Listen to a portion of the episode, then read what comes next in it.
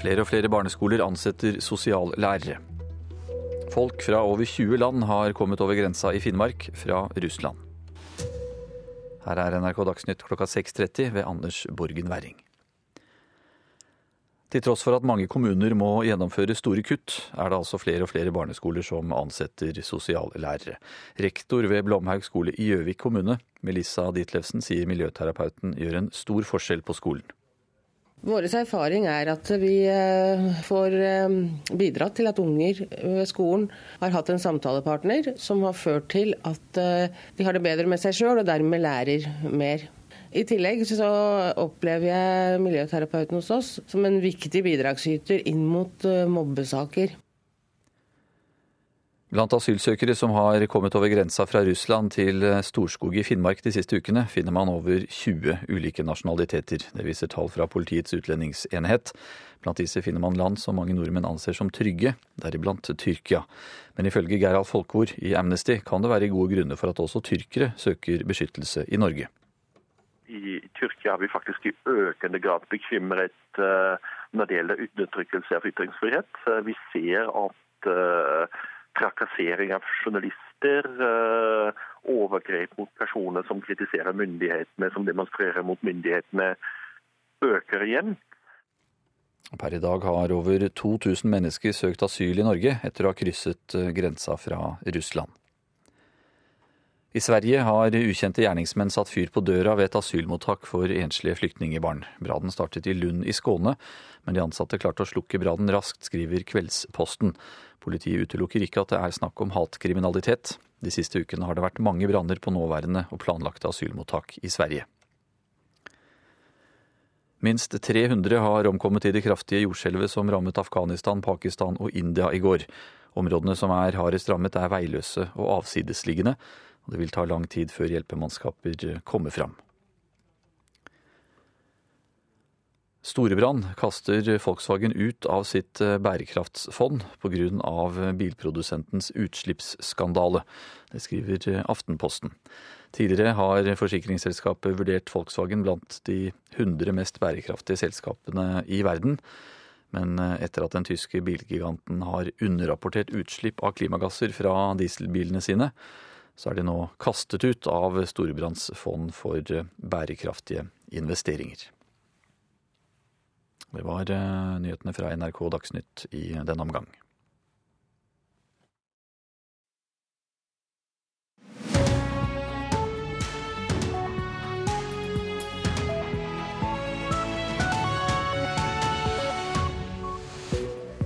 Tidlig spesialisering i én idrett ser ut til å føre til flere skader hos barn og unge idrettsutøvere. Ukraina er fremdeles djupt splitta. Det syner lokalvalgene som ble gjennomført i helga. Og Høyre-ordfører på Vestlandet vil ha kommunale asylmottak for å hindre at private aktører tjener store penger. Ja, dette er noe av det som står på lista vår her i dagens Nyhetsmorgen i studio Silje Sande.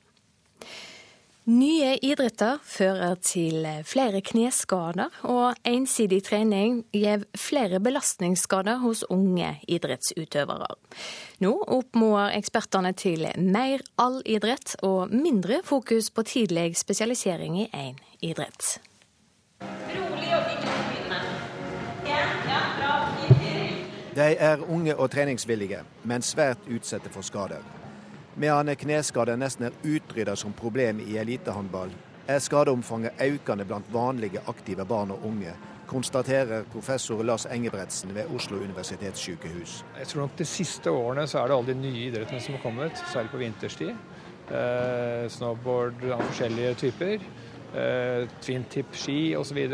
Det har gjort at eh, det har økt ganske betraktelig. Akkurat det på barn under 14-15 eh, år.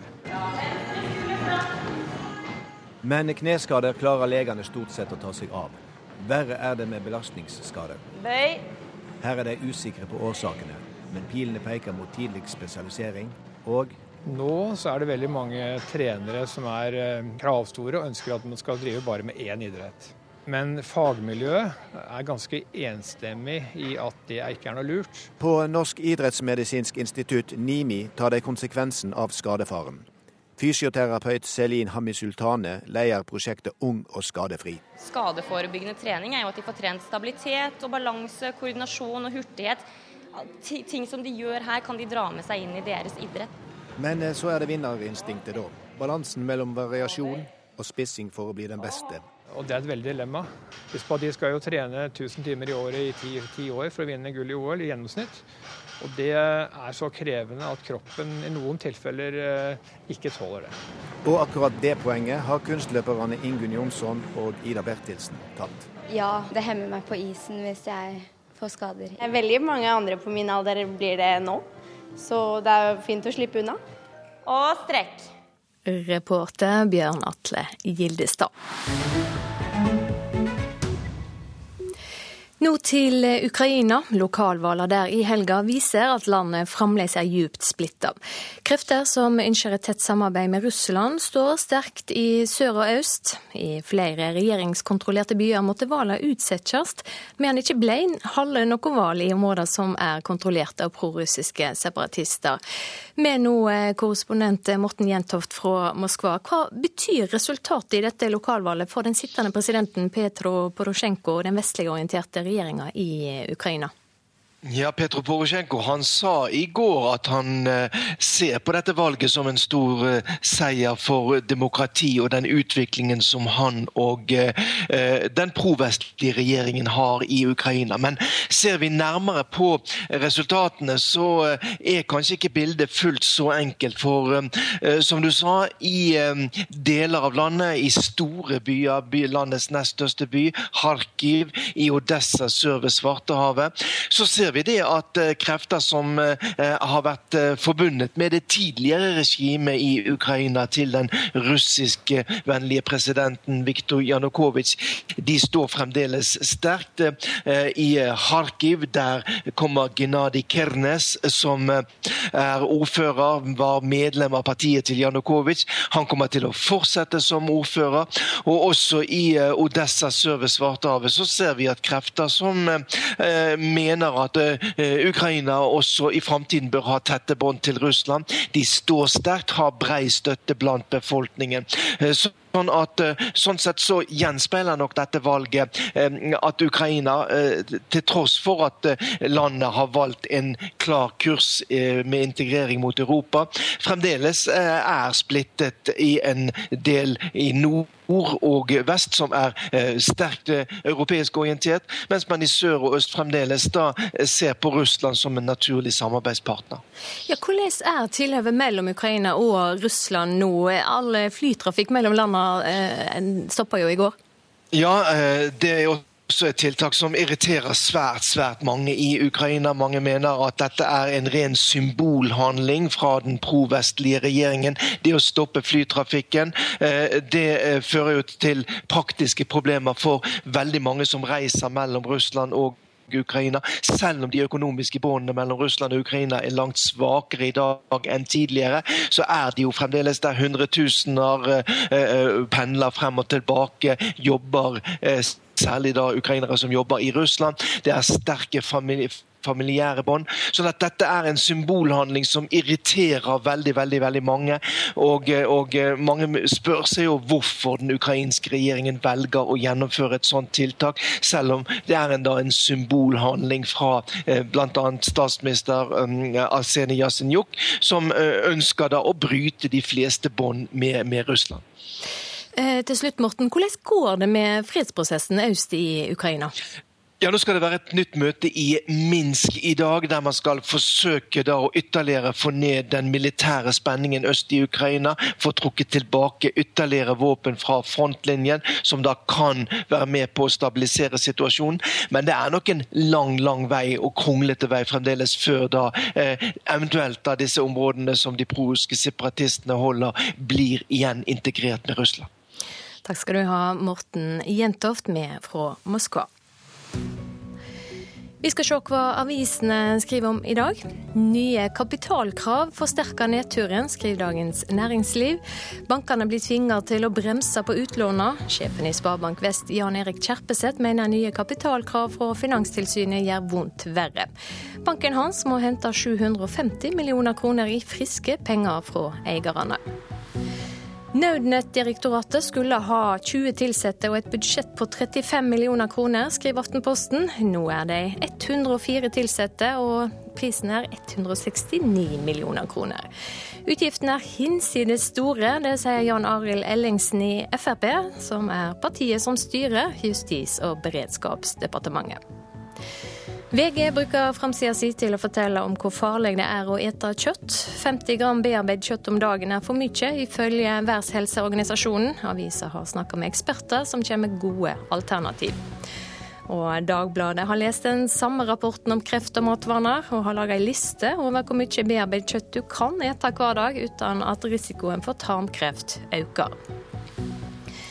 Vindparken med 44 vindmøller på Fitjar i Hordaland er blitt et tapsprosjekt, skriver Bergens Tidende. Hadde vi visst det vi vet i dag om strømprisene, ville Midtfjellet vindpark ikke blitt bygd, sier en av drivkreftene bak satsinga, Johannes Kåløen, til avisa.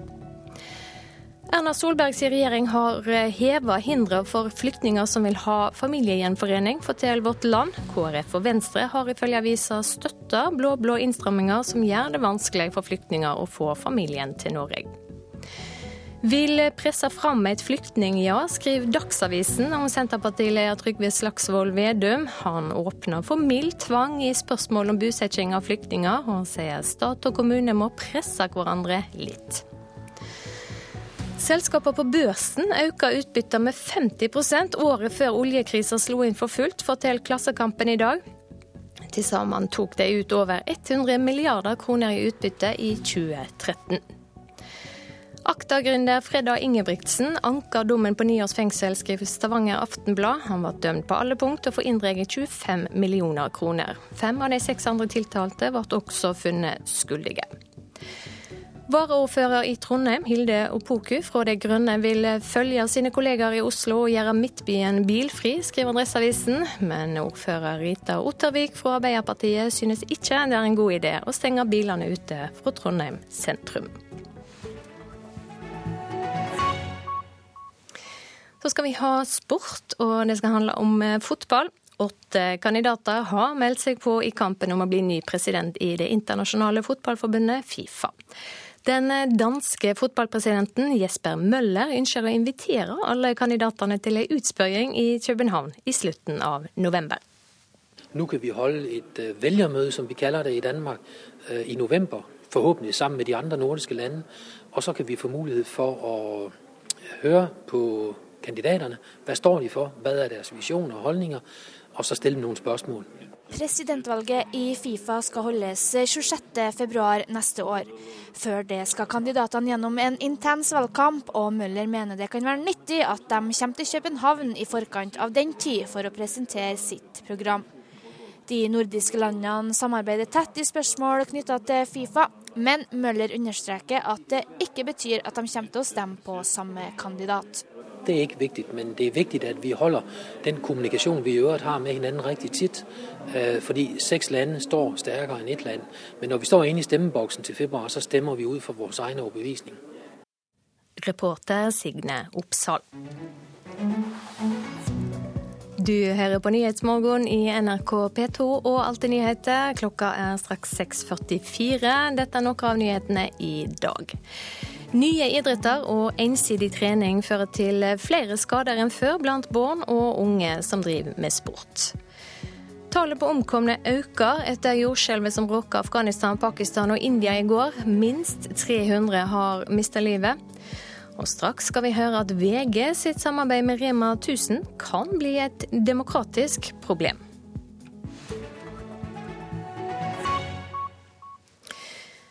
Ordfører Sven Flo fra Høyre i Stryn vil ha slutt på at private selskap skummer fløyten i samband med bosetting av asylsøkere. I fjor tjente en privat aktør alene 28 millioner kroner på drift av asylmottak. Stryn bør vurdere å opprette et eget kommunalt asylmottak, mener Høyre-ordføreren. Han slår fast at dagens ordninger ikke er gode nok. Dette har jo også vært et ankepunkt fra min side, at det er profitører i markedet i stor grad så er det mennesker som eh, kun ser økonomi i dette her.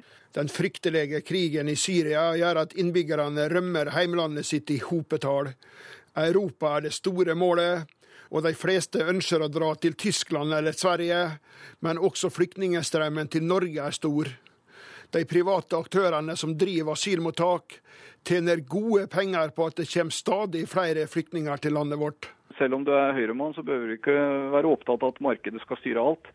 Det er mennesker vi snakker om i, eh, i, i en helt spesiell situasjon. Og det er ikke minst en pengeflyt som ikke treffer der han burde treffe, nettopp i forhold til de som uh, leverer tjenestene, i dette tilfellet kommunene. Her og Norge, som er en av landets største private aktører på drift av asylmottak, hadde i fjor et driftsoverskudd på 28,4 millioner kroner. Norsk mottaksdrift tjente seks millioner. De private aktørene henter mesteparten av midlene sine fra staten. Fylkesleder i Fremskrittspartiet Lars Svein Drabløs, har på si side ikke noe imot at de private aktørene tjener godt på asylantene. Det vi skal være klar over, det er jo at her er jo eh, noen private aktører som har organisert dette på en eh, tilfredsstillende måte. Og eh, at de da har tjent penger på det, det er jo for så vidt greit. og det, det er en gang slik at det er jo lov å tjene penger her i landet. Gårdbruker Ingolf Folven fra Oppstryn, som sjøl ønsker å leie ut kårhuset sitt til flyktninger, er kritisk til at de private aktørene tjener så godt på asylsøkerne. Nei, Jeg føler at nå er en i en veldig kritisk situasjon. og Det er veldig stor pågang av asylsøkere. Og det er blitt for mange ei vekstnæring som rett og slett spekulerer i å drive asylmottak. En hører litt tall og eh, kostnader på det her. og Jeg føler at dette er ganske usmakelig, egentlig. Så jeg kunne gjerne tenkt meg at en fikk opp en diskusjon rundt eh, hele asylmottaksdrifta. Kanskje en burde, burde se litt på hva Florø gjør, der de driver asylmottak i kommunal regi. Eh, da sitter ikke det noen profitører på utsida og skal liksom skumme fleita på det her. Men Folven, du har jo sjøl eh, annonsert at du vil leie ut til flyktninger. Er ikke du også en av de som vil tjene store penger på dette? Jeg har ikke tenkt i de banene i det hele tatt. Skal vi leie ut et kårhus på gården til bosetting av flyktninger, så vil det være til ordinær takst for uh, utleie av hus. Og ute i distriktene, ute i utkantene litt, så er ikke det så all verdens høyt. Venstreordfører Alfred Bjørlo i Eid avviser ikke tanken om å opprette egne kommunale mottak. Og Hvis det da er snakk om en rask kriseløsning bare for en kort periode, så er ikke det sikkert det er rett at kommunene gjør det. Men hvis det er snakk om å etablere det mer som en fast ordning, som del av det samla mottaksapparatet i kommunen, så kan dette være en god løsning. Så jeg, jeg, vil, ikke, jeg vil, ikke, avvise det. Og, og Svein Flo har iallfall rett i at det er store svakheter med dagens system. Utlendingsdirektoratet har inngått avtale med Norsk mottaksdrift om drift av asylmottak i Stryn for de kommende tre åra. Når den perioden er over, kan det være aktuelt at Stryn oppretter et kommunalt mottak, sier Flo. Det kan det være, eh, og den vurderinga skal vi eh, ta. Og eh, eventuelt rigge oss til for å kunne være konkurransedyktige i forhold til dette her. Sven Flo til reporter Bård Siem. Skattebetalerne har fått regninger fra First House på alt fra Red Bull, softis med strø, til middager på fasjonable restauranter i Oslo.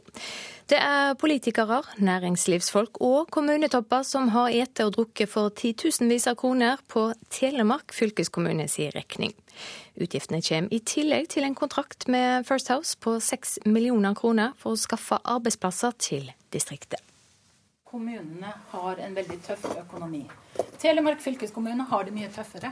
I går la fylkesrådmannen i Telemark frem forslaget til neste års budsjett. Det går jevnt nedover. I 2013 inngikk fylkeskommunen i samarbeid med Innovasjon Norge en treårskontrakt med First House til 6 millioner kroner for at de skal skaffe nye arbeidsplasser til distriktet. Som NRK tidligere har fortalt, har det hittil gitt få resultater.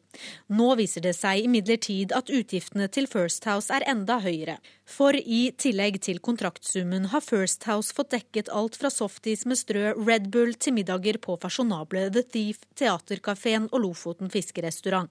Sistnevnte en middag der utgiftene til konjakk, vin, øl og annen drikke utgjorde mer enn selve maten. Stortingsrepresentant for Fremskrittspartiet Bård Hoksrud var en av de ni deltakerne denne kvelden.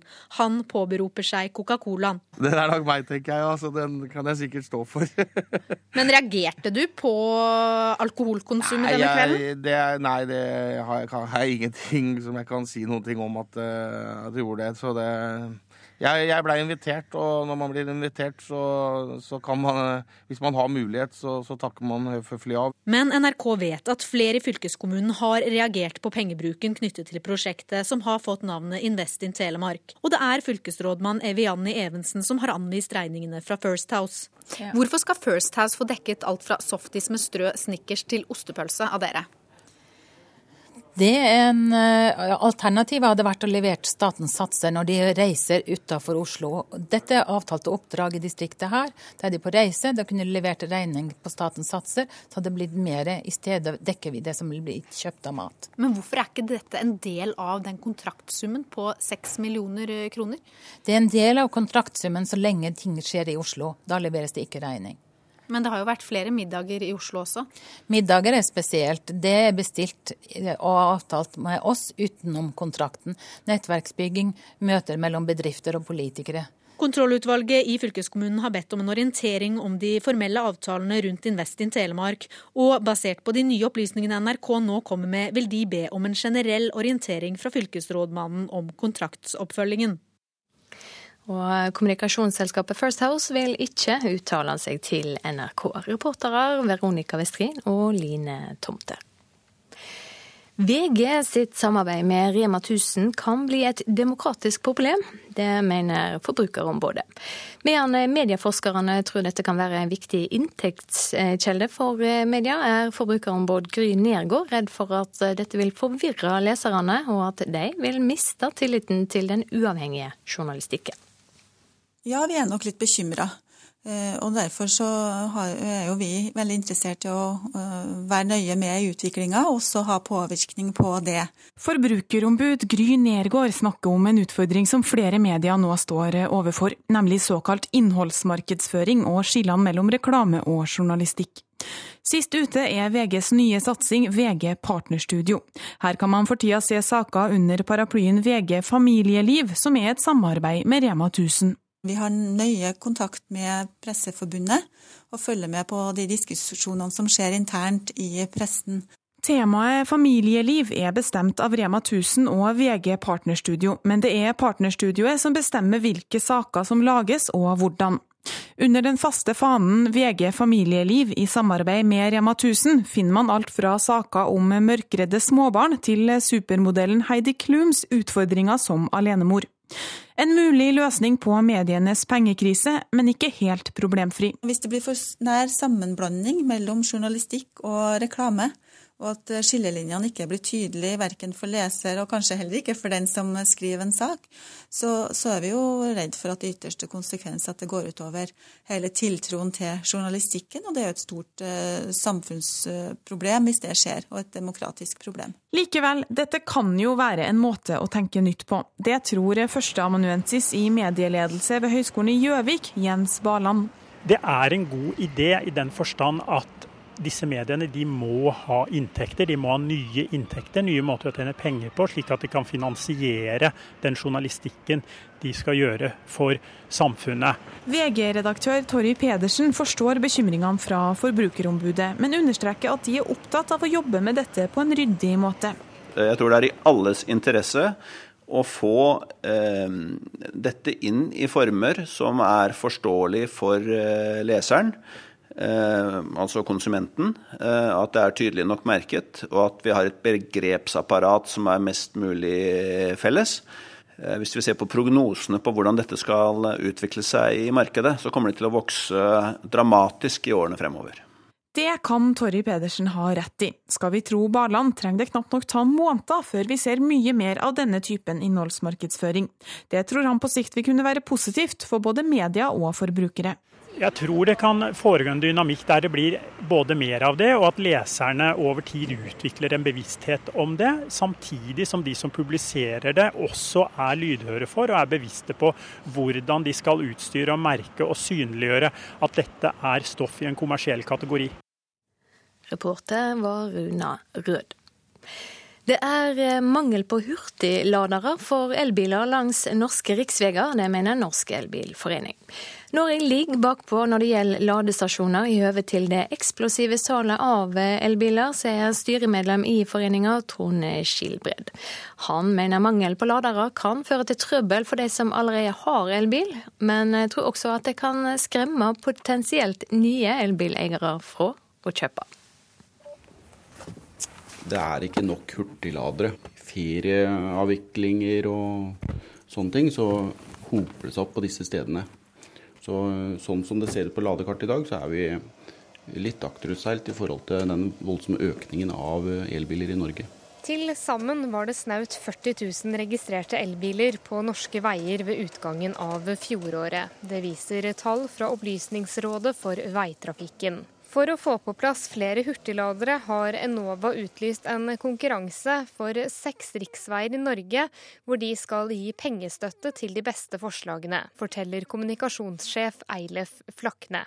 Og hvorvidt eh, aktører og selskap ønsker å bygge flere stasjoner, det legger ikke vi oss opp i, men eh, vi støtter altså bygging av to punkter på hver 50 mil. Selv om elbileieren Trond er glad for at Norge skal få flere hurtigladere, så er han ikke spesielt fornøyd med at det tar så lang tid å få de på plass. Det var tidsnok hvis man så på den strategiplanen som ble lagt for, for noen år siden, eh, for den bygger jo på den. Den har jo ikke skalert i forhold til eh, den voldsomme eh, salget av elbil, så det henger jo ikke sammen. De sier at de må bygge to ladestasjoner per ladeplass det er altfor lite. Ja, reporter her, det var Linn Udnes. Vi skal ha et værvarsel som gjelder fram til midnatt. Først gikk vi med at først på dagen er det venta lokalt vanskelige kjøretilhøve pga. nedbør som sludd og snø i låglandet i det nordlige Nordland, Troms og Vest-Finnmark. Fjellet i Sør-Norge får sørlig bris. I kveld sørøstlig opp i liten kuling utsatte steder. Stort sett opphold. Østlandet og Telemark skiftende bris, stort sett opphold først og sist på dagen, lokal skodde. Agder østlig bris, fra i ettermiddag liten kuling på kysten av Vest-Agder. I kveld stiv kuling rundt Lindesnes, stort sett oppholdsvær. Rogaland sørøst bris, øket til liten kuling på kysten i sør, stort sett opphold. Hordaland sørøst bris, delvis skyer fra i ettermiddag, stort sett fint vær. Sogn og Fjordane sørøst bris, skyer, stort sett oppholdsvær. I ettermiddag etter hvert lettere skydekke. Møre og Romsdal får sørvest frisk bris på kysten. Litt regn, snø over 1000 til 1200 meter. Fra i ettermiddag sørøst bris, oppholdsvær. Trøndelag nordøst frisk bris på kysten, litt regn. Snø over 1000-1200 meter. I nord snø over 400-600 meter. Fra i ettermiddag sørøst frisk bris. Utsatte steder stort sett oppholdsvær. Helgeland, Saltfjell og Sørsalten nordøstlig bris. I formiddag dreiende sørøstlig. I kveld frisk bris. Etter hvert fint vær. Nordsalten, Ofoten, Lofoten og Vesterålen nordvestlig frisk bris. I formiddag dreiende sørvestlig. I kveld periodevis stiv kuling i Vesterålen. Enkelte sludd- og snøbyger. Troms og kyst- og fjordstrøka i Vest-Finnmark nordvestlig liten kuling. I kveld vestlig stiv og kan hende sterk kuling. Sluddbyger og snøbyger. Øst-Finnmark og Finnmarksvidda nordvestlig, senere vestlig periodevis stiv kuling. På vidda frisk bris. Enkelte snøbyger. Og til slutt eh, Nordensjøland på Spitsbergen. Nordlig senere skiftende bris. Skyer eller delvis skyer og oppholdsvær. Så har vi temperaturlista fra klokka fire. Svalbard lufthavn minus sju. Kirkenes én, Alta én, Tromsø-Langnes og Bodø 2.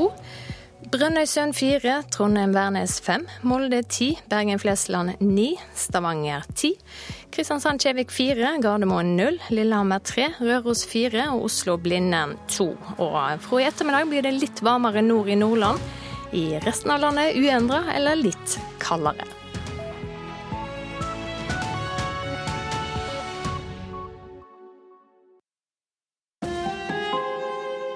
Hør ekko.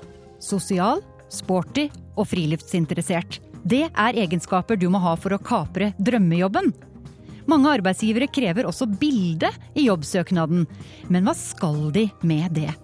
Jo, det handler om din erotiske kapital. Om hvor mye ditt utseende skal telle. Ekko 9 11 i NRK P2.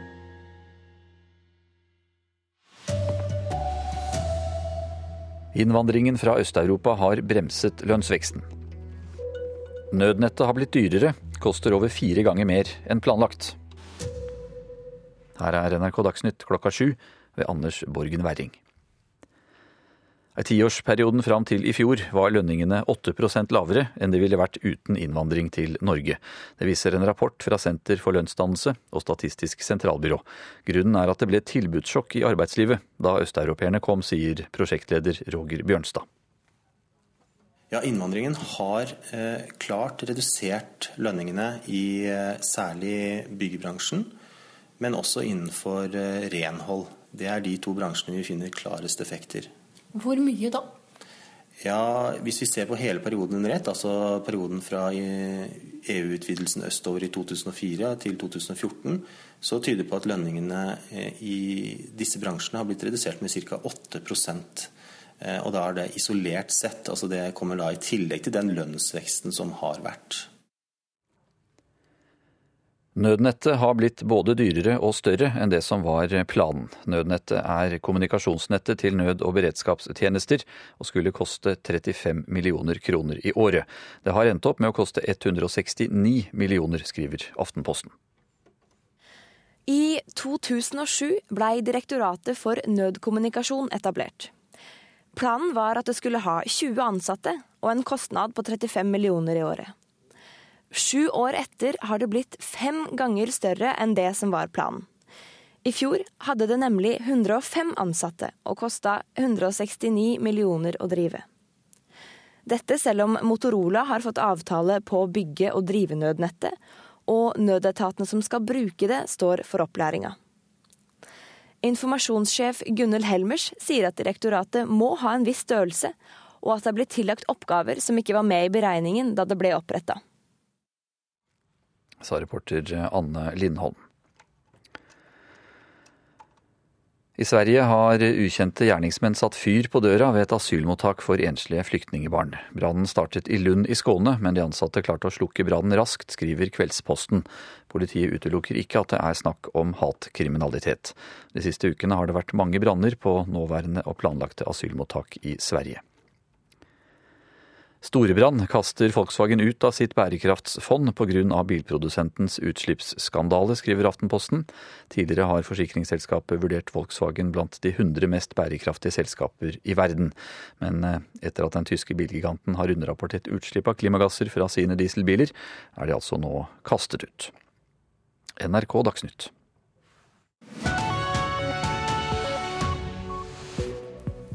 Her i Nyhetsmorgen skal vi straks høre hva byggenæringa mener om at innvandring fra Øst-Europa har bremsa lønnsveksten. Flere barneskoler gjør nå som ungdomsskolene og tilsetter sosiallærere og miljøterapeuter. Politiet i Haugesund har fått inn flere tips i Birgitte Tengs-saka etter at boka om det 20 år gamle drapet kom ut for to uker siden. Og om litt skal vi høre dommen over den nye James Bond-filmen. NRK sin filmkritiker var på verdenspremieren i London i går kveld. Ja, som vi hørte i Dagsnytt, i bransjer som bygg og renhold var lønningene i fjor 8% lavere enn de ville vært uten innvandring til Norge. Det viser en ny rapport fra Senter for lønnsdanning og Statistisk sentralbyrå. Forklaringa er at det ble et tilbudssjokk i arbeidslivet da østeuropeerne kom. Det sier prosjektleder Roger Bjørnstad.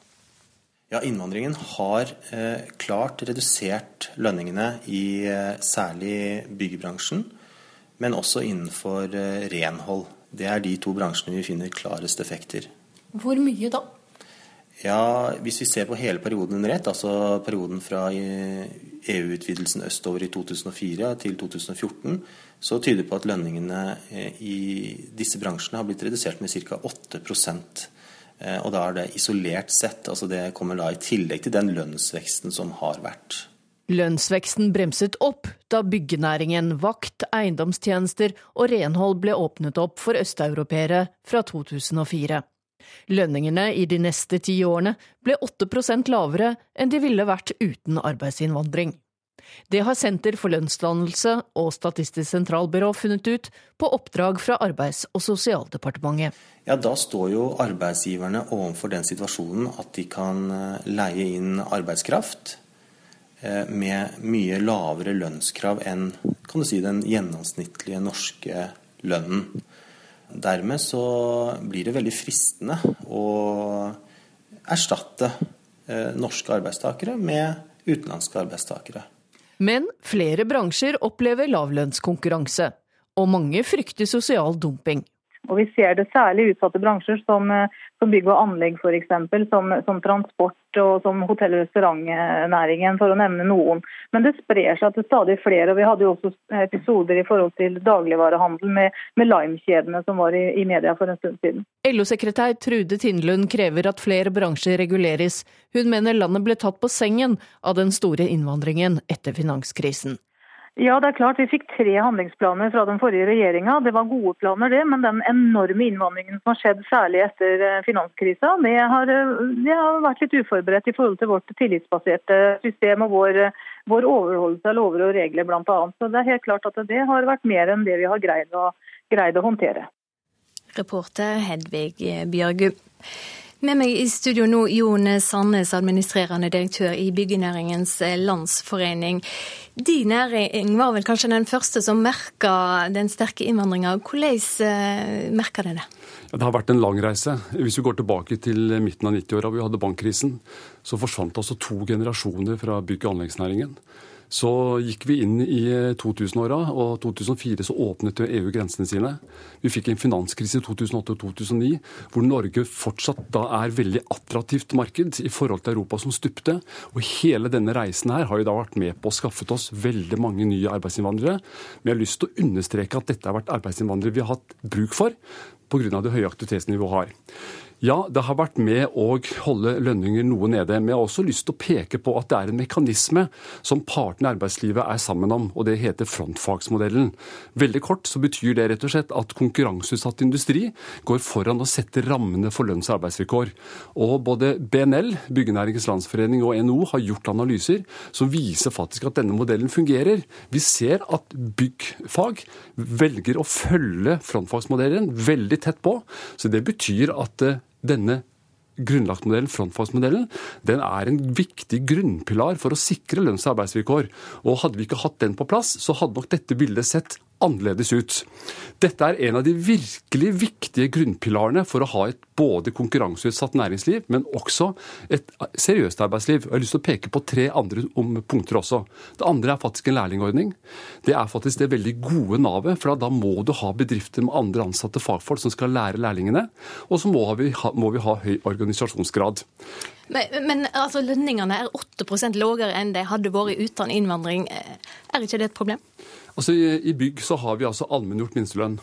Og jeg tror nok at dette bildet hadde sett mye verre ut. Det er jo urovekkende at i 2012 så står det i denne rapporten at 8 eh, lønnes lavere enn allmenngjort minstelønn. Det betyr rett og slett at det er ulovlig. Det er ikke lovlig å lønne lavere enn dette. Så det forteller også at vi har en fortsatt lang vei å gå og, og jobbe med, men det betyr også at de instrumentene vi har, de funker faktisk Men vet du noe om hvor stor del av de ansatte i byggebransjen som er eh, utlendinger? Jeg har ikke nøyaktig tall på det her og nå. Eh, men eh, jeg syns det er viktig som sagt å påpeke og ikke gjøre utlendinger til vårt problem. De har faktisk vært en del av løsningen. Og så blir det partene i arbeidslivets oppgave å sørge for å ha disse gode rammene som gjør at vi har en frontfagsmodell som fungerer. Vi har lærlinger, vi har ansatte fagfolk som skal lære dem opp, og vi sørger for høy organisasjonsgrad. Jeg har lyst til å vise også til et lite område for hva som skjer når man ikke har høy organisasjonsgrad. Og det er et marked som er knyttet til bl.a. rehabilitering og oppussing av boliger og hytter. Det er et marked som i løpet av denne perioden også har øket med over 10 milliarder. Og det vi ser, i og med at partene ikke er tett på det markedet, så er nesten hele veksten gått til de ikke-organiserte. Derfor er jeg svært opptatt av, som representant for arbeidsgiverorganisasjonen, å sørge for at vi får mange som organiserer seg, slik at partene kan legge de gode rammene for å sørge for at vi har anstendig lønn og et godt arbeidsliv. Betyr det at utlendingene ikke organiserer seg? Eh, I altfor liten grad. Eh, vi er svært opptatt av å få dem inn. Eh, er det noe vi på arbeidsgiversiden faktisk er svært opptatt av, så er det at vi kan sette oss ned ved bordet og sørge for å få de gode rammene. Takk skal du ha, Jon Sandnes fra Byggenæringens Landsforening.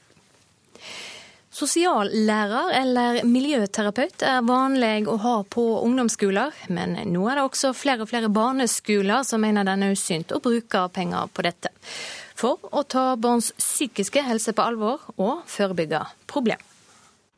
Man kan egentlig si alt til Astrid, og det blir hele tida med henne. Så det er veldig godt å ha en person som ikke sier noe ting hvis ikke du vil det selv. Jeg stoler på henne, så jeg kunne godt ha sagt alt hun, jeg. Eh, bra og godt.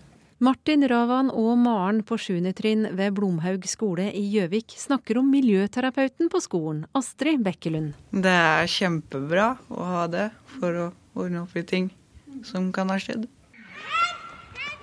Blomhaug skole er en av Gjøviks største barneskoler med sine 315 elever. Og mange av dem har tatt seg en tur inn til Astrid. Eh, erfaringsvis så har det mm, vært eh, et stort behov Ehm, jeg har mye å gjøre. Mange fine unger som er innom og som snakker med meg om eh, ting som de syns er vanskelig. Og jeg har en unik mulighet til å kunne sette meg ned og gå liksom dypt inn i eh, disse tinga sammen med unga og være med dem og sortere litt følelser og tanker og gi dem strategier.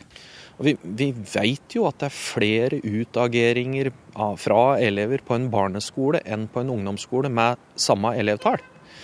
Og, og, det er vi nødt for å ta inn over oss og gjøre noe med. Prate med unga, høre hva de har å si, forstå språket. For de prøver å fortelle oss noe, og vi har ikke tid til å høre på dem. Det sier rektor ved Gjøvik skole, Kjetil Ulseth. For sjøl om han veit at kutt i budsjettet må komme i en kommune som skal spare 40 millioner neste år, likevel så vil en tviholde på den nyoppretta stillingen, en sosiallærer på skolen fra i februar. Jeg mener å ha, ha sett nok til å, å vite at vi sparer det inn på, på andre måter. Men det er viktig å understreke at vi tar ikke bort eh, oppgaver fra kontaktlærer i hverdagen, men vi får ført det mye dypere, som vil kunne gjøre oppgaven for alle lærere enklere i neste runde. Hva vil du si til skoler som ikke har eh, miljøterapeut, da? At de skal skaffe seg det. At de burde skaffe seg det, fordi da kan jo, hvis ikke voksne eller lærerne har tid, da har du en miljøterapeut som du kan prate med, som nesten alltid har tid. Ja, Det sa Martin Ravan og Maren på 7. trinn ved Blomhaug skole i Gjøvik. Reporter Elin Fossum. Med meg nå fra Bergen og Arna bydel, rektor Linda Haukeland. To barneskoler der har gått sammen om å tilsette en psykolog, og du er rektor ved én av disse skolene, nemlig Odnamarka. Hvorfor har de gjort det? Eh, jeg tenker det at eh, de fleste barneskoler gjenkjenner eh, det som vi hørte i rapporten her. Ehm, min erfaring det er at eh, de lærerne, lærere og alle som jobber på skolen, de ønsker å se den enkelte elev. Eh, både faglig og i forhold til det psykososiale. Eh, og så er det sånn da at Noen ganger så blir det så stor grad av kompleksitet i, i sakene våre at vi tenkte det at det en psykolog kan tilføre av sitt fagfelt, det vil komme oss til gode.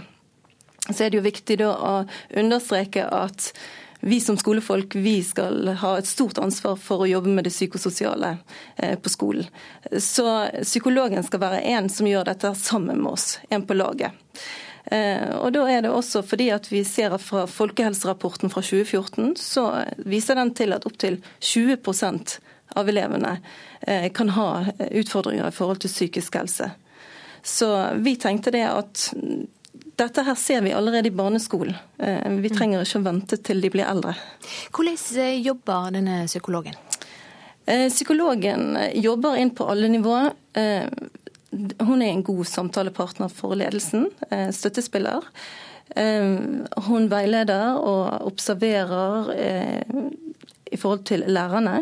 Eh, og, og veileder de i, i, ting de kan gjøre, både inn mot den enkelte og systemarbeid på skolen. Eh, vi er også en POL-skole, som er en, modell, en omfattende modell i forhold til å jobbe med det psykososiale. Hun deltar i det sammen med oss for å bygge et system på skolen. Eh, og så går hun inn mot foreldregruppen, også har veiledning inn mot de. Eh, og så har hun også, sånn som vi litt hørte i denne her, dette innslaget, at hun kan ha eh, samtaler med, med enkeltelever. Og så kurser hun også. også. Senest nå så kurset hun oss i eh, førstehjelps, psykologisk førstehjelpsskrin. Mange skoler har jo problemer med å få budsjettet til å gå rundt. Hvordan finansierer det dette? Altså, Vi tar jo fra vårt budsjett, vårt, det budsjettet vi har til skolen. Men jeg tenker eh, det samme som også ble sagt her, det er det at eh, vi tar jo ikke vekk det Alle elever får det de skal ha, og det de har rett på av timetall. Men vi tenker at vi tilfører noe. Eh, men det er klart at det er presset. Og vi har bare en, en 15% stilling med psykolog, som vi skal nå øke til 25 Og så deler vi det da med Lone skole, også de også har 15 men det er klart at inn i fremtiden så tenker jeg at jeg kan kanskje se for meg en, en annen modell og hvordan den skal være. Det, I forhold til hvem som skal betale. For, for det er jo på en måte en, en helseutfordring inn i skolen. Så, så, hva det vil si inn i fremtiden, det vet jeg ikke. Men akkurat nå så må vi ta det fra vårt budsjett. Er dette noe du vil tilrå andre skoler å, å, gjøre? Ja, absolutt. Jeg tenker at dette tilfører eh, stor kompetanse på, på vår skole og er godt for alle på alle nivåer, i alle grupper. Det er det. Takk skal du ha for at du var med, Linda Haukeland, rektor ved Odnamarka skole i Bergen. Politiet i Haugesund har fått flere tips i Birgitte Tengs-saka etter at boka om drapet kom ut for to uker siden. I mai var det 20 år siden 17-åringen ble funnet drepen på Karmøy. Politiadvokat Tor Buberg i Haugaland og Sunnhordland politidistrikt sier at flere av tipsa gjev navn på mulige drapsmenn, men han ønsker ikke å gå i detalj. Eh, vi har stadig hatt eh, tips Eh, og i forbindelse med bokutgivelsen nå, så har vi fått noen nye tips. Og i den forbindelse så håper jeg at, at, kan, at vi kan få flere tips med folk som måtte sitte på noe. Og vi vet jo det, at det er enten en eller flere som vet hva som har skjedd denne dagen på, på, på Sundveien. Og jeg henstiller til det vedkommende å måtte melde seg. Du hører på Nyhetsmorgen, klokka er 7.17. Innvandringa fra Øst-Europa har bremsa lønnsveksten med 8% Byggenæringa mener det er viktig at alle i bransjen organiserer seg for å sikre både lønn og gode arbeidsvilkår. Nødnettet er blitt dyrere. Det koster over fire ganger mer enn planlagt. Og Tallet på omkomne øker etter jordskjelvet som råka Afghanistan, Pakistan og India i går. Minst 300 har mista livet. Vi skal til Kina nå, for etter at Kina åpna økonomien sin, har millioner av småsparere investert i aksjer i håp om å tjene gode penger. Men som vi har sett eh, i Søndagsrevyen for to dager siden, har mange tapt alle sparepengene sine på det de trodde var sikre og risikofrie investeringer. Nå protesterer fortvila kinesere mot medier og styresmakter som har haussa opp eh, spekulasjonene. 自己有九十万，然后我的亲戚朋友有的是八十万、四十万。 Millioner av kinesere har mistet sparepengene sine nå. De kinesiske børsene har sunket 40 til nå i år. Og åtte av ti investorer er vanlige familier som sparer til barnas skolepenger eller til sin egen pensjon. Økonomiprofessor Michael Pettis tror børsuroen og protestene Kina har sett til nå, bare er toppen av isfjellet. The, the cynical view, of course, is that a lot of people entered into these transactions believing that somehow, without risk, you could earn incredibly high returns. And they're now discovering that, in fact, you can't, that that is quite risky. Til slutt hørte vi økonomiprofessor Michael Pettis ved Peking-universitetet si at mange trodde dette var risikofrie investeringer som ville gi stor avkastning. Slik var det ikke. Nå skulle vi hatt med oss korrespondent Peter Svaa. Vi har litt problem med å få tak i han, så vi prøver videre. I mellomtida så skal vi ta en kikk på avisene. Nye kapitalkrav forsterker nedturen, det skriver Dagens Næringsliv. Bankene blir tvinga til å bremse på utlåna, og sjefen i Sparebank Vest, Jan Erik Kjerpeseth, mener nye kapitalkrav for Finanstilsynet gjør vondt verre. Banken hans må hente 750 millioner kroner i friske penger fra eierne.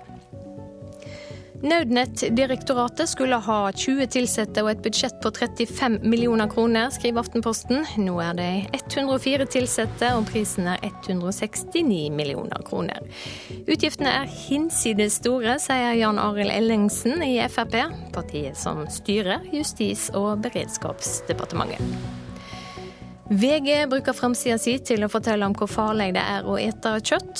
50 gram bearbeidet kjøtt om dagen er for mye, ifølge Verdenshelseorganisasjonen. Avisa har snakka med eksperter som kommer med gode alternativ. Og Dagbladet har lest den samme rapporten om kreft og matvaner, og har laga ei liste over hvor mye bearbeidet kjøtt du kan ete hver dag uten at risikoen for tarmkreft øker. Vindparken med 44 vindmøller på Fitjar i Hordaland er blitt et tapsprosjekt, skriver Bergens Tidende. Hadde vi visst det vi vet i dag om strømprisene, ville vindparken ikke blitt bygd, sier en av drivkreftene bak satsinga til avisa.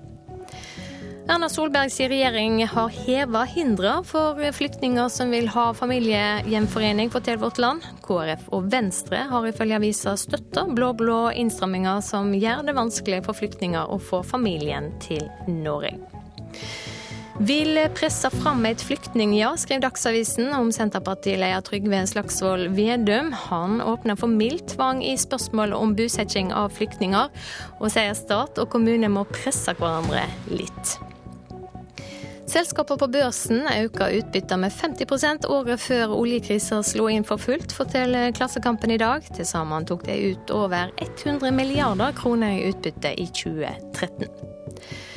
Akta-gründer Fredda Ingebrigtsen anker dommen på ni års fengsel, skriver Stavanger Aftenblad. Han ble dømt på alle punkt og får innringe 25 millioner kroner.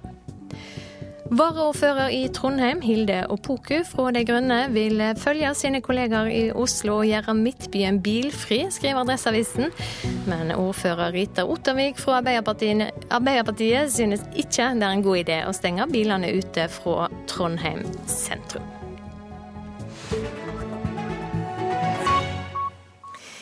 Da har vi med oss deg, Asia-korrespondent Peter Svår. Etter at Kina åpna sin økonomi, har altså millioner av småsparere investert i aksjer i håp om å tjene gode penger. penger. Nå føler de seg lurte og protesterer. Hva forteller investorene deg om hvordan politiet nå hindrer det? Ja, Det som har skjedd her, er jo særlig en gruppe med investorer som har puttet pengene sine i et selskap som heter Fanya. og vi intervjuet en av dem i Søndagsrevyen nå i helgen. De, de, har jo nå protestert her i Beijing i lengre tid med små og store demonstrasjoner. Det de nå forteller oss, det er at de hadde planlagt en demonstrasjon med 10 000 mennesker her i Beijing i går, og det skjedde ikke.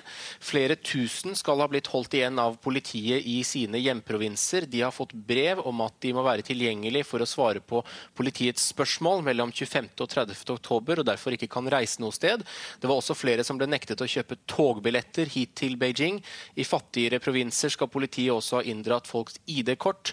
Og de som faktisk greide å komme hit til hovedstaden, ble også innbrakt av politiet allerede søndag kveld. De gikk runder på hotellene her hvor demonstrantene skulle bo, samlet dem sammen i et lokale der vi får rapporter om at det skal ha vært flere tusen mennesker. Og slik vi forstår det, ble de heller ikke egentlig arrestert. Det virker som fokuset for politiet her nå rett og slett er å holde folkemengden unna gatene og, og fortest mulig sende dem hjem igjen til eh, dit de kommer fra sine hjemprovinser. Ja, Det er åpenbart at det er viktig for kinesiske styresmakter å hindre slike markeringer. Hvorfor er dette så sensitivt eh, nå? Ja, For det første er det nok demonstrasjonens størrelse at man planla 10 000 mennesker ut i gatene. Det ville vært den største demonstrasjonen i Beijing på mange år om den ble noe av. og Det ville nærmest uansett hva man er for eller mot, eh, vært sensitivt eh, her i Beijing. For det andre, eh, og kanskje den viktigste grunnen, så startet det femte plenumsmøtet i sentralkomiteen til kommunistpartiet her i går. Det skal vare hele uken. Det er møtet hvor man skal skissere opp den neste femårsplanen, hvor økonomiske reformer også blir utrolig viktig. og det å få store store demonstrasjoner her i byen mens et slikt viktig møte pågår, eh, blir nok også sett på som å trå over en grense. Man tillot jo eh, for en måned siden her eh, visse mindre protester fra den samme gruppen av investorer.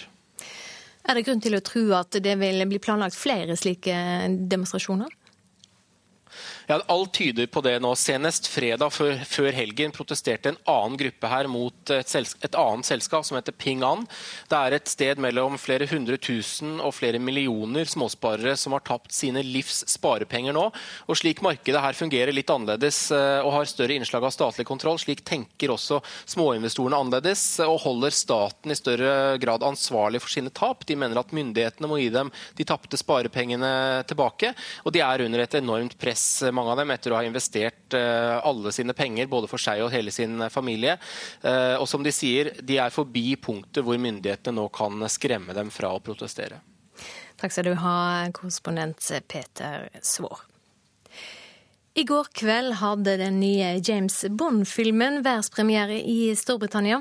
Der var NRK sin filmkritiker Birger Vestmo, som melder fra London at regissør Sam Mendes har laga Daniel Craig-epokens beste Bond-film.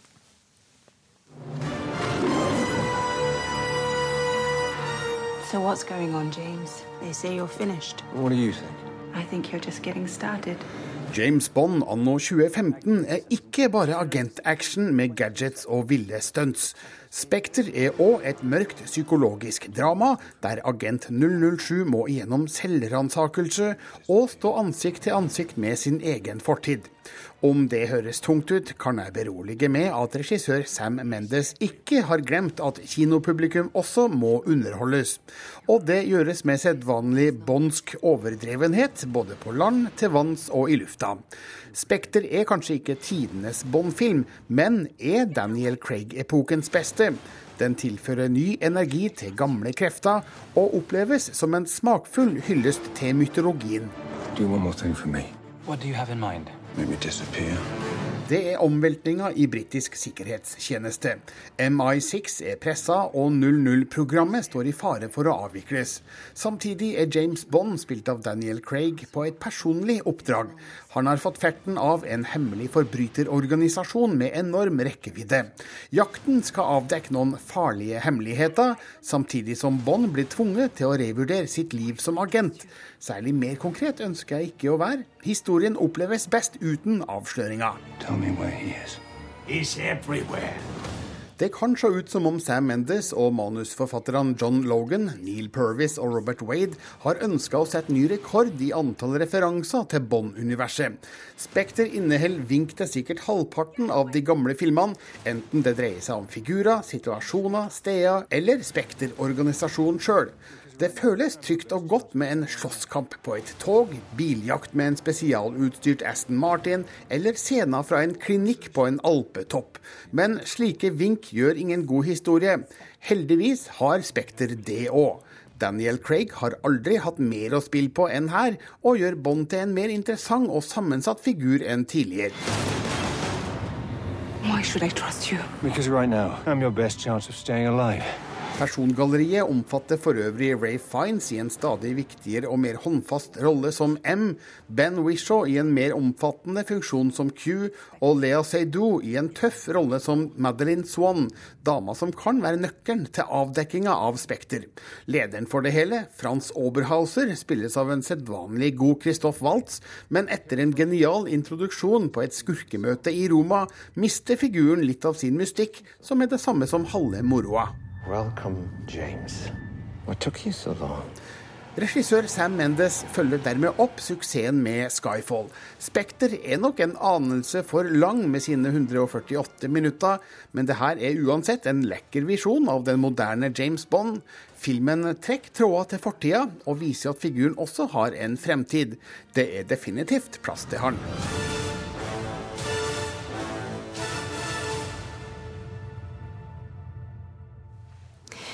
Det sa melder Birger Vestmo. Filmen har eh, premiere her i landet på fredag.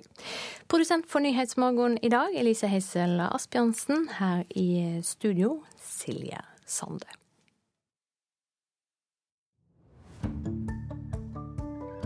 Norge har aldri vunnet Nordisk råds filmpris.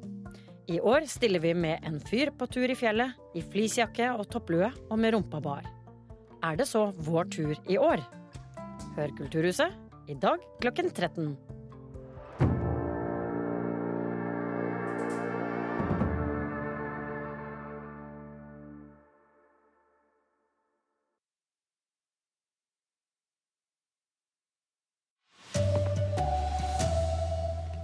Innvandring fra Øst-Europa har bremset lønnsveksten i bygg- og renholdsbransjen.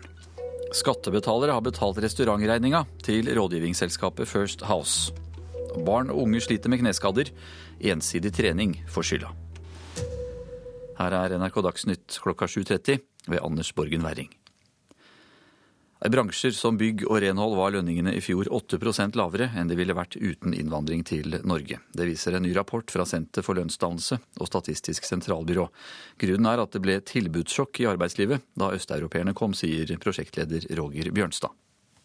De mest utsatte bransjene, det er eh, bygg særlig, renholdsbransjen. Det er eh, en del bransjer innenfor industri, f.eks. verftsindustri men også andre nærliggende bransjer. Lønnsveksten bremset opp da byggenæringen, vakt, eiendomstjenester og renhold ble åpnet opp for østeuropeere fra 2004. Lønningene i de neste ti årene ble 8% lavere enn de ville vært uten arbeidsinnvandring. Det har Senter for lønnsdannelse og Statistisk sentralbyrå funnet ut på oppdrag fra Arbeids- og sosialdepartementet. Innvandringen har vært positiv for Norge, sier administrerende direktør Jon Sandnes i Byggenæringens Landsforening. Og det er viktig å ta med seg både med hensyn til at man har fått hender inn i arbeidslivet eh, og byggenæringen, men ikke minst også at man har på en måte fått dempet at Norge har vært et høykostland. Men flere bransjer opplever lavlønnskonkurranse, og mange frykter sosial dumping. LO-sekretær Trude Tindlund krever at flere bransjer reguleres. Hun mener landet ble tatt på sengen av den store innvandringen etter finanskrisen. Ja, det er klart. Vi fikk tre handlingsplaner fra den forrige regjeringa. Det var gode planer, det. Men den enorme innvandringen som har skjedd, særlig etter eh, finanskrisa, det har, eh, det har vært litt uforberedt i forhold til vårt tillitsbaserte system og vår, vår overholdelse av lover og regler, bl.a. Reporter her, det var Hedvig Bjørgum. Flere og flere barneskoler ansetter nå fagfolk som skal ta vare på barnas psykiske helse. Det har lenge vært vanlig at ungdomsskoler har sosiallærere eller miljøterapeuter som hjelper elever med psykiske problemer. Og nå kommer altså barneskolene etter. Man kan egentlig si alt til Astrid, og det blir hele tida med henne. Så det er veldig godt å ha en person som ikke sier noe ting hvis ikke du vil det selv. Martin Ravan og Maren på 7. trinn ved Blomhaug skole i Gjøvik snakker om miljøterapeuten på skolen, Astrid Bekkelund. Det er kjempebra å ha det for å ordne opp i ting som kan ha skjedd. Blomhaug skole er en av Gjøviks største barneskoler med sine 315 elever. Og mange av dem har tatt seg en tur inn til Astrid. Jeg har en unik mulighet til å kunne sette meg ned og gå liksom dypt inn i disse tinga sammen med unger, og være med dem og sortere litt følelser og tanker og gi dem strategier. Vår erfaring er at vi eh, får bidratt til at unger ved skolen har hatt en samtalepartner som har ført til at eh, de har det bedre med seg sjøl, og dermed lærer mer. Det mener rektor ved Blomhaug skole, Melissa Ditlevsen. I tillegg så opplever jeg miljøterapeuten hos oss som en viktig bidragsyter inn mot eh, mobbesaker. Hva vil du si til skoler som ikke har eh, miljøterapeut, da? At de burde skaffe seg det, fordi da kan jo, hvis ikke voksne eller lærerne har tid, da har du en miljøterapeut som du kan prate med, som nesten alltid har tid. Ja, Det mente Martin Ravan og Maren på 7. trinn ved Blomhaug skole på Gjøvik, reporter Elin Fossum. I Arna bydel i Bergen har to barneskoler gått sammen om å ansette en psykolog. Problemene er ofte så kompliserte at lærerne ikke har kapasitet, sier Linda Haukeland, som er rektor ved Odnemarka skole. Noen ganger så blir det så stor grad av kompleksitet i, i sakene våre at vi tenkte det at det en psykolog kan tilføre av sitt fagfelt, det vil komme oss til gode. Eh, og da er det også fordi at vi ser fra Folkehelserapporten fra 2014, så viser den til at opptil 20% av elevene eh, kan ha utfordringer i forhold til psykisk helse. Så vi tenkte det at dette her ser vi allerede i barneskolen. Eh, vi trenger ikke å vente til de blir eldre. Skattebetalerne har fått regninga fra First House på alt fra Red Bull, softis med strø, til middager på dyre restauranter. Det er politikere, næringslivsfolk og kommunetopper som har spist og drukket for titusener av kroner på Telemark fylkeskommunes regning. Utgiftene kommer i tillegg til en kontrakt med First House på seks millioner kroner for å skaffe arbeidsplasser til distriktet. Det går jevnt nedover. I går la fylkesrådmannen i Telemark frem forslaget til neste års budsjett. Telemark fylkeskommune har det mye tøffere. I 2013 inngikk fylkeskommunen i samarbeid med Innovasjon Norge en treårskontrakt med First House til 6 millioner kroner for at de skal skaffe nye arbeidsplasser til distriktet. Som NRK tidligere har fortalt, har det hittil gitt få resultater. Nå viser det seg imidlertid at utgiftene til First House er enda høyere. For i tillegg til kontraktsummen har First House fått dekket alt fra softis med strø, Red Bull til middager på fasjonable The Thief, Teaterkafeen og Lofoten fiskerestaurant. Sistnevnte en middag der utgiftene til konjakk, vin, øl og annen drikke utgjorde mer enn selve maten. Stortingsrepresentant for Fremskrittspartiet Bård Hoksrud var en av de ni deltakerne denne kvelden. Han påberoper seg Coca-Colaen. Den er nok meg, tenker jeg. Altså, den kan jeg sikkert stå for. Men NRK vet at flere i fylkeskommunen har reagert på pengebruken knyttet til prosjektet, som har fått navnet Invest in Telemark. Og det er fylkesrådmann Evianni Evensen som har anvist regningene fra First House. De velger selv hva de vil spise, og vi betaler for det de spiser. Hadde vi fulgt statens satser, hadde det blitt mye dyrere. Så kan du si at det er flisespikkeri å levere sånne små regninger, men eh, det bryr ikke vi oss med. Dette er småregninger kontra å levere regning på statens satser i tillegg til kjøring. Kontrollutvalget i fylkeskommunen har bedt om en orientering om de formelle avtalene rundt Invest in Telemark, basert på de nye opplysningene som NRK nå kommer med. Det har foreløpig ikke lykkes NRK å få en kommentar fra First House. Reportere i denne saken det var Veronica Westrin og Line Tomter. Storebrand kaster Volkswagen ut av sitt bærekraftsfond pga. bilprodusentens utslippsskandale. Det skriver Aftenposten. Tidligere så har forsikringsselskapet vurdert Volkswagen blant de 100 mest bærekraftige selskapene i verden. Men etter at den tyske bilgiganten har underrapportert utslipp av klimagasser fra sine dieselbiler, er det altså nå kastet ut av Storebrands fond for bærekraftige investeringer. Nye idretter gir flere kneskader, og ensidig trening gir flere belastningsskader. Dette er utviklingstrekk blant unge aktive. Nå oppfordrer ekspertene til mer allidrett og mindre fokus på bare én idrett. De er unge og treningsvillige, men svært utsatte for skader. Medan kneskader nesten er utrydda som problem i elitehåndball, er skadeomfanget økende blant vanlige aktive barn og unge, konstaterer professor Lars Engebretsen ved Oslo universitetssykehus. Jeg tror nok De siste årene så er det alle de nye idrettene som har kommet, særlig på vinterstid. Eh, snowboard av forskjellige typer. Eh, twin tip ski osv. Det har gjort at eh, det har økt ganske betraktelig. Akkurat det på barn under 14-15 år. Men kneskader klarer legene stort sett å ta seg av. Verre er det med belastningsskader. Bøy. Her er de usikre på årsakene, men pilene peker mot tidlig spesialisering og nå så er det veldig mange trenere som er kravstore og ønsker at man skal drive bare med én idrett. Men fagmiljøet er ganske enstemmig i at det ikke er noe lurt. På Norsk idrettsmedisinsk institutt, NIMI, tar de konsekvensen av skadefaren.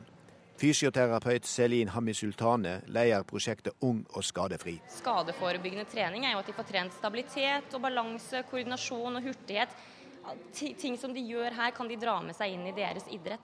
Men eh, så er det vinnerinstinktet, da. Balansen mellom variasjon og spissing for å bli den beste. Og det er et veldig dilemma. Husk på at De skal jo trene 1000 timer i året i ti, ti år for å vinne gull i OL i gjennomsnitt. Og det er så krevende at kroppen i noen tilfeller eh, ikke tåler det. Reporter her, det var eh, Bjørn eh, Atle Gildestad. Nødnettdirektoratet har blitt fem ganger større enn det som var planlagt da det ble dannet. Det skriver Aftenposten. Nødnettet skal være et digitalt samband for nødetater og beredskapstjenester i hele landet. Fra å skulle ha 20 ansatte og koste 35 millioner kroner i året, har det nå rundt 100 ansatte, og den årlige driften koster 169 millioner kroner. Direktoratet for nødkommunikasjon har bare en oppsynsrolle. Og opplæring i bruken av nødnettet som brukes av politi, brannvesen og ambulanse skal foregå internt i etatene. Likevel har altså direktoratet vokst seg fem ganger større enn planlagt. Ansvarlig for Dagsnytt i dag, det er Sven Gudlvåg.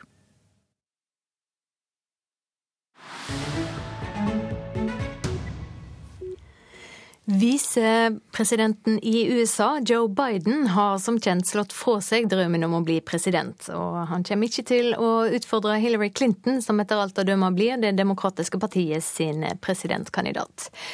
Joe Biden er en av de mest populære og respekterte politikerne i USA.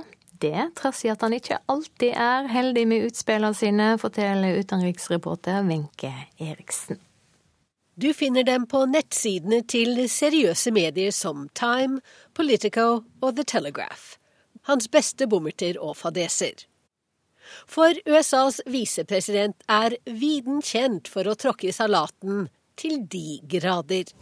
I promise you, the president has a big stick. Skikkelig rabalder ble det da Biden som presidentkandidat i 2007 beskrev motkandidaten Barack Obama slik. I mean, sort of mainstream African American yeah. who is articulate and bright and, and, and clean and nice looking. Hva var det han sa? Den første afrikansk-amerikanske kandidaten som er veltalende, smart og ren. Senator Obama sa at han forsto hva Biden mente, men skrev i en pressemelding at han var historisk unøyaktig, og at verken Jesse Jackson eller de andre tidligere svarte presidentkandidatene var uartikulerte. My mother believed, and my father believed, Moren og faren hans fikk jo rett. Biden ble Obamas visepresidentkandidat og bommet på sjefens navn. A man I'm proud to call my friend. A man who will be the next president of the United States, Barack America. Barack Amerika ble det, ikke Barack Obama. Og han som hadde snakket om den smarte, svarte presidentkandidaten, virket kanskje ikke fullt så smart selv på et valgmøte. Look, to tackle the number one job facing the middle class, and it happens to be, as Barack says, a three-letter word.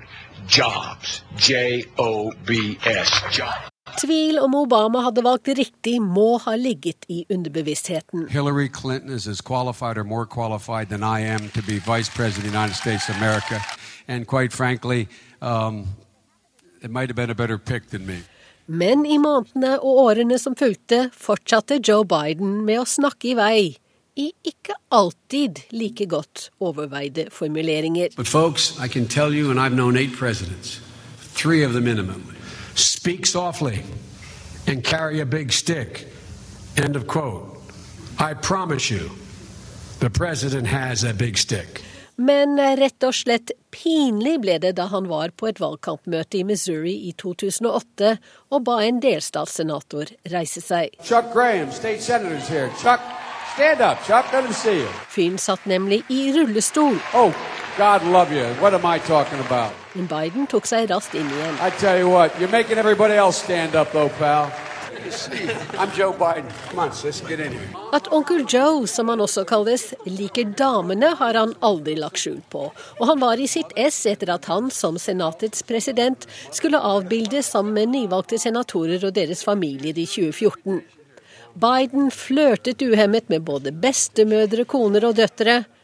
Men TV-bildene avslørte at tenåringsjenter syns det er ganske ekkelt når en 71 år gammel mann står veldig tett inntil og hvisker dem noe i øret.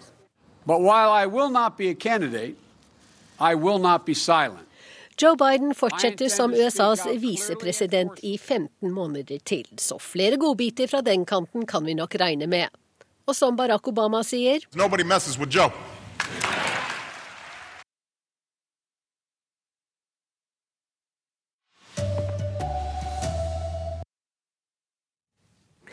Vi skal gå gjennom det som er hovedsaker hos oss her i Nyhetsmorgen før Politisk kvarter.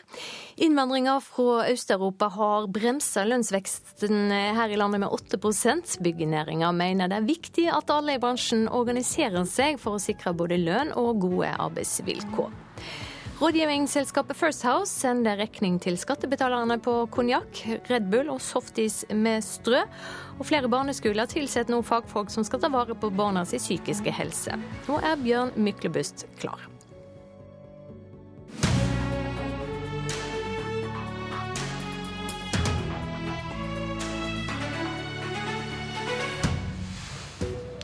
Sjelden kost fra en politiker. Sitat noen ganger må man innrømme at man kanskje ikke har riktig politikk. Høyre møter Høyre om pappaperm. Så skal vi diskutere bosetting av flyktninger.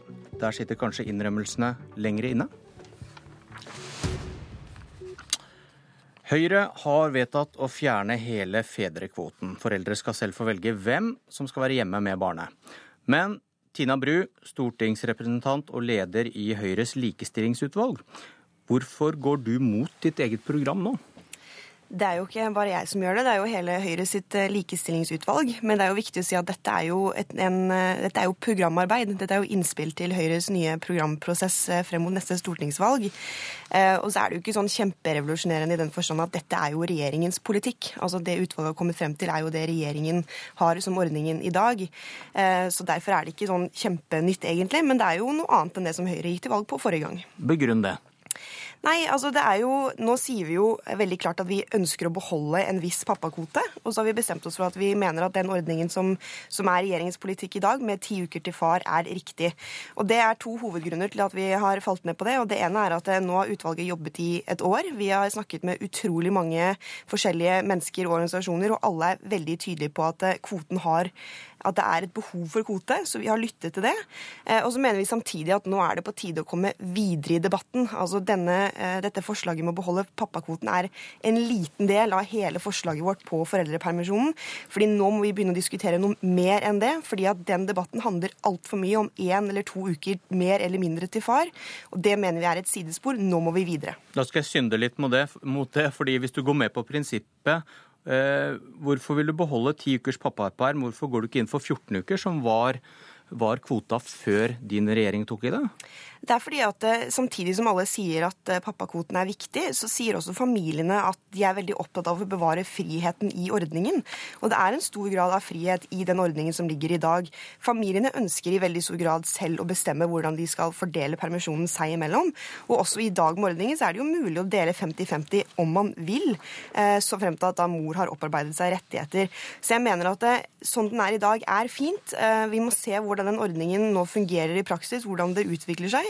Eh, og så er det ikke sånn at diskusjonen alltid vil ligge i bero, men for Høyre så er det også viktig å bevare valgfriheten til familiene. og Derfor vil vi ikke gå inn for en ytterligere utvidelse av eh, kvoten.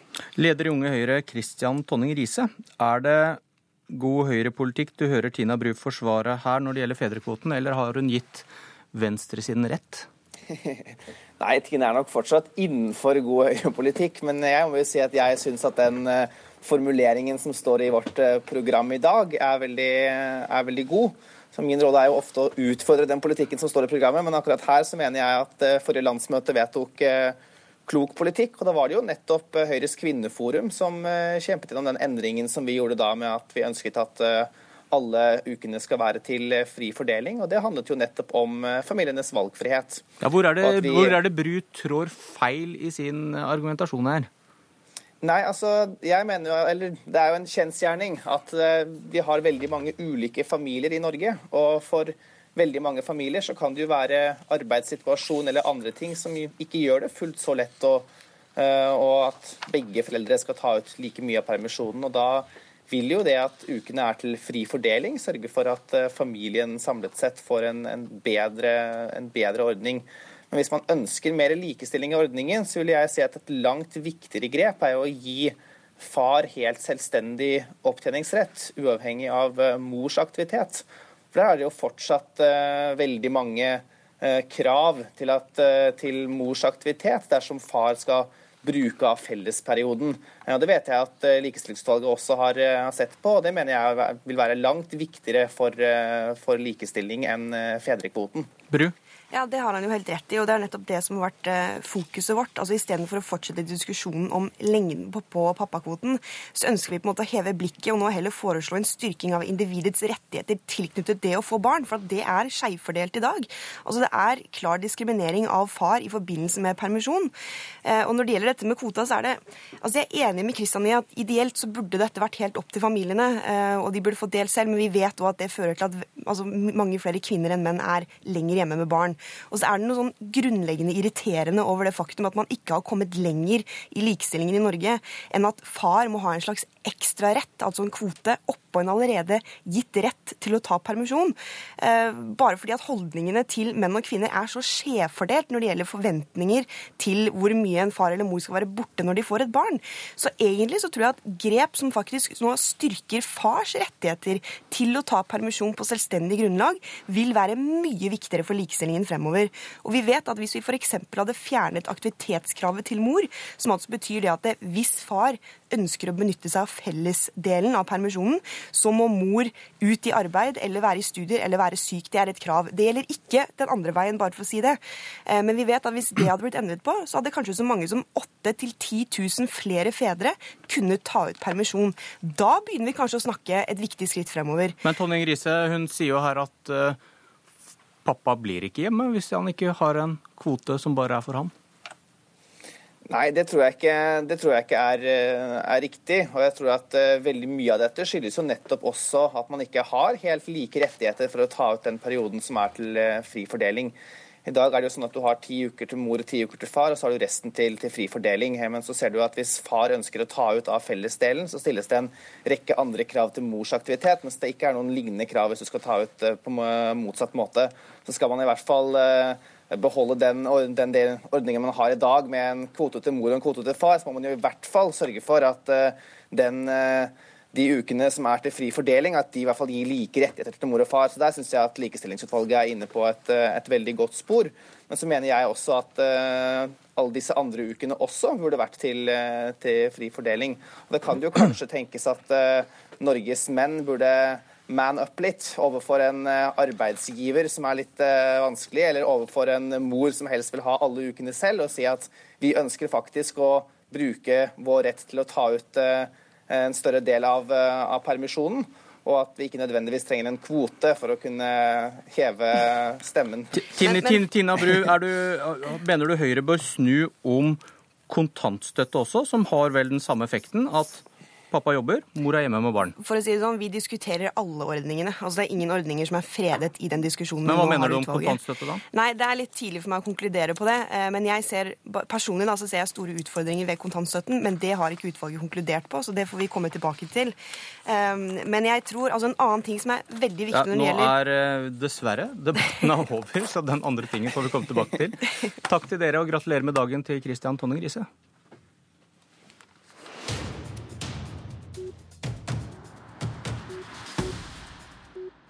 For han har bursdag. Han rakk ikke å sa, si takk før han la på. Eh, Høyre dominerer Politisk kvarter i dag. Velkommen inn, Mudassar Kapur, stortingsrepresentant fra Høyre. Takk for det. Er du villig til å innrømme feil i forsøk på å bosette flyktninger i norske kommuner? Jeg innrømmer feil uh, stadig vekk når jeg har gjort dem. Men uh, her tror jeg vi skal snakke om hvordan vi skal finne gode løsninger på et område hvor vi allerede leverer godt. Regjeringen har satt i gang bosettingsarbeidet. Kommunene har nå sagt ja til å ta imot 11 000 i år. Men jeg mener at eh, vi står foran en av de største innenrikspolitiske debattene i nyere tid. Den handler om hvordan vi skal få til en god integrering for mange av de som kommer til Norge. Og Derfor har jeg skrevet en kronikk i VG i dag hvor jeg tar opp denne debatten. Jeg vil ha en debatt i Høyre, og jeg vil gi innspill til regjeringen. En av de tingene som jeg snakker om der, som vi skal snakke om i dag, det er bosetting.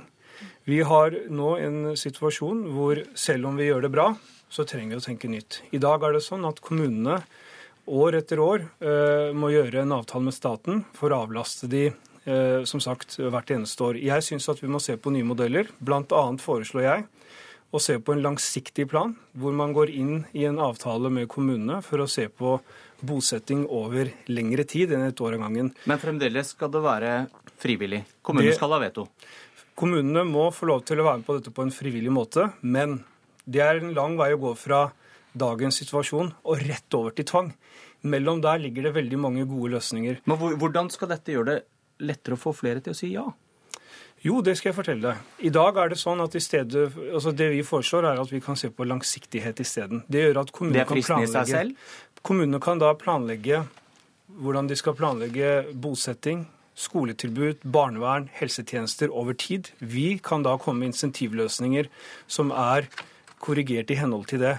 I dag så blir det for ofte en debatt i kommunene om å avlaste staten fra år til år. og Dermed så havner du inn i et spill hvert eneste år som blir en forhandling, i stedet for å se på hva som er det viktigste her, og det er å få bosatt og integrert tidlig. Og så må jeg få lov til å legge til en ting. Altfor ofte så handler, handler bosettingsdebatten bare om å finne et sted å bo. Men for hver bosettingstillatelse du gir, så må du også finne barnehageplasser, skoleplasser og en god helsetjeneste. Derav langsiktighet. Karin Andersen fra SV. Eh, du nikket litt og Ja, jeg syns det er bra nå at eh, flere ser at den modellen vi har ikke fungerer. Den er dyr, og den er dårlig. Den er dyr fordi folk sitter på mottak, og vi betaler dyre dommer for det i årevis. Og det å sitte på mottak lenge, eh, og nå blir det lengre og lengre, er eh, Altså, folk blir syke av det. Og de blir jo ikke integrert av det. Så det å liksom komme i gang Det ene er å få ned behandlingstida nå på søknader, sånn at man får òg avgjort de som skal få bli. Og det er jo mange av de som kommer nå at det blir fort. Og så må man bli bosatt så raskt som mulig, slik at man kan komme i gang med integreringa. Og da er det jo noen steg her som tas. Men, men allikevel eh, er det, er det nok ikke nok. For dette er jo en vanlig oppgave som kommunene må gjøre hele tida eh, framover. Det er ikke noe utsikt til at det ikke skal komme flyktninger. Så da tror jeg at vi heller kunne laga en sånn ordning som de har i Danmark, der kommunene må ta sin rimelige andel av dette, og at staten betaler hele regninga. Og så kommer vi i gang med integreringa mye raskere. Det tror jeg vi er veldig enige om nå, eh, alle. Det er bare hvordan vi skal gjøre det. Det var et sentralt poeng her du kanskje ikke er så enig i? Ja, altså sentrale poenget til Karin Andersen, hvis du tar bort uh, det som hun snakker rundt tematikken her, så er det fortsatt tvang.